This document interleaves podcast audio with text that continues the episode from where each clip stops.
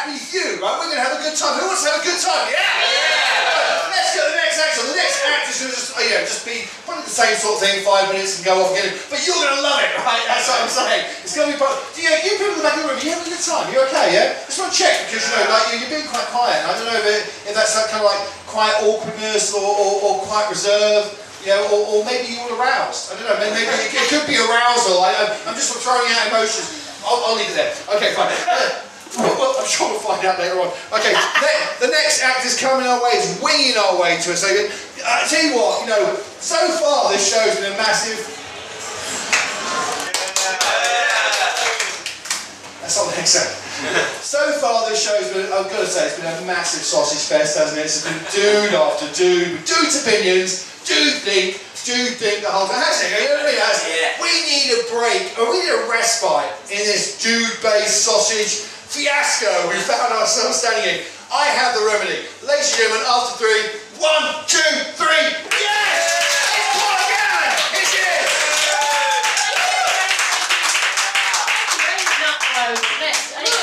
Um, I had a set when I got chatting to some guys at the bar and I just realised that uh, we're all kind of about the same age, aren't we? We're at that age where we start thinking about settling down and especially me as a woman, you're at that age, um, 20, 21. where you start thinking about kids. But I never, I never felt under pressure because it's rude. It's only when you're up here and you realise these people are all really close. But it's uh, I, ne- I never feel under pressure to have kids or anything because I always remember back to when I was 10, I got some advice that I'll never forget. I'll never forget it. And it's not often that a 10 year old wants advice, but I'll never forget it. It was, Paula, don't ever have kids. They'll ruin your effing life. And it always stuck with It's a bit grim. It is a bit grim, um, especially coming from your own mother. But, um, and I don't like Tinder. I don't like the new thing of Tinder. It's just so cold and impersonal. And I can't get it in my head. I always remember the story of how my grandparents met. It was just such a beautiful story. And I'm sure you'll have, Frank, you'll have similar stories. Like well, how my grandparents met. It was just so, they used to tell me the story again and again and again. And I'm like, tell us again, Granny, tell us again. And it was back in 39. Um, they were both pedophiles. Um, they were they were pedophiles. I just like to throw that in there. It's like that, the line in the we get a bit schmucky there, wasn't it? It was like the line in the corona gives it a bit of ooh, pedophiles. No, they weren't pedophiles. They weren't pedophiles. But it was 1939, and they both went to see this movie. You probably know this movie, Gone with the Wind. Uh, an epic, beautiful movie. And um, my granddad was sitting over that side of the theatre, and my granny was over that side and they were young and attractive, it's hard to imagine. But he looked across and uh, he saw her and he thought, she's the most beautiful woman I've ever seen. And he looked across and she looked across and this kind of a spark. And I, I just love to hear the story, like, tell me again. She must have told us about a hundred million times. Even on her deathbed, I was like, tell us again. She was like, no, I'm dying. I was like, come on, you old trout. I've got five minutes next week after film it. Um, and it got me thinking, what am I going to tell? What are we going to tell our grandchildren? When, when my grandkids come, they're like, Granny, how did you meet? Gra- What am I going to? I'm not going to have them anyway. What am I going to say? It's like, well, I was sitting on the couch, wearing my pajamas, smelling the business. watching Jeremy Kyle. I saw your granddad. He said the kid in the picture wasn't his, and I knew. That's a crap story. And then, no, the best bit is, and then I went like that. I'm like, tell us again. I went like that. tell us, shut up! See, I can't even handle imaginary children. But um, that was my um, granny and granddad. Uh, about the same age my neighbour. She's actually interesting looking. Hey, what was that? Julian McDonald. Ah! Who who was it? Julian Trevor. Trevor McDonald. doesn't work. But next time we're going to do it next next time. I'm going to say Trevor McDonald. Anyway, yeah. What the hell was my next joke? Oh yeah, no. My, my neighbour's going off for an assisted suicide, um, which sounds like controversial, but I think it's the way forward. It is. Think about it. Because I was there for all of my grandparents' deaths, and it's horrible. It's not nice. It's painful. It's uncomfortable. It's horrible. Just holding them under, waiting for them to drown. It's it's horrible. So. Um, she yeah, take that money.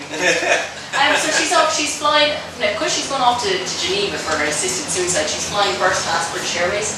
get the wine, the cheese, the champagne. It's lovely. I a bad idea. You might have second thoughts. yeah. Fly Ryanair, you'll have no doubts about that.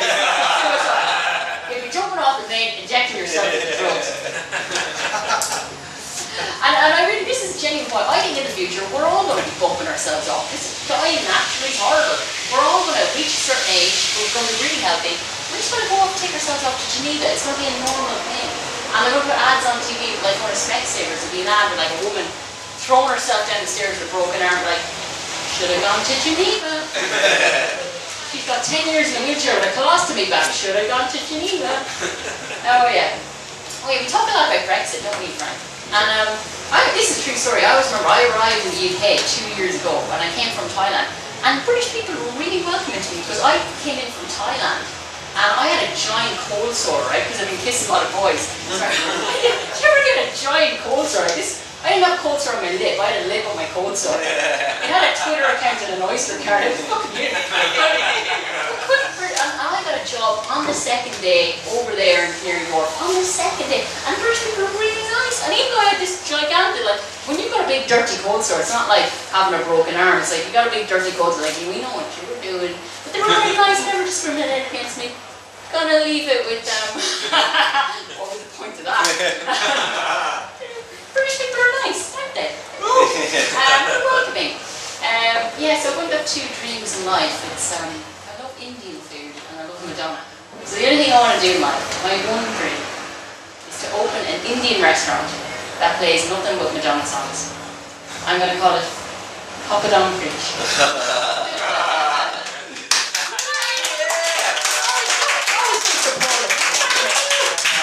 Yeah, boy, yeah. Goes back for a single. Let's have a Paula, yes! Thank you so much, ladies and gentlemen. No, let's have a, a Paula, yeah! Thank you. You know, Paula actually makes me feel really old because when I used to do internet dating, it was just dating on your computer. Now, the, the phone thing's completely new. I see everyone on the trains doing it, Tinder, right? And, and it, it's weird, the whole concept of swiping left, swiping right. Never done it, never done it at all. And I see people do it all the time, but it makes me think, you know, there must be a point when people will stop doing that. You'll just be in a bar and you'll be like, yeah, hiya, no, no. no. you'll just doing that to someone, yeah, yeah, yeah, no, you, I just don't like the look of you. Uh, there's someone behind you slightly, oh, that's, that's better, right? Because it, it seems really impersonal and very superficial as well. Anyway.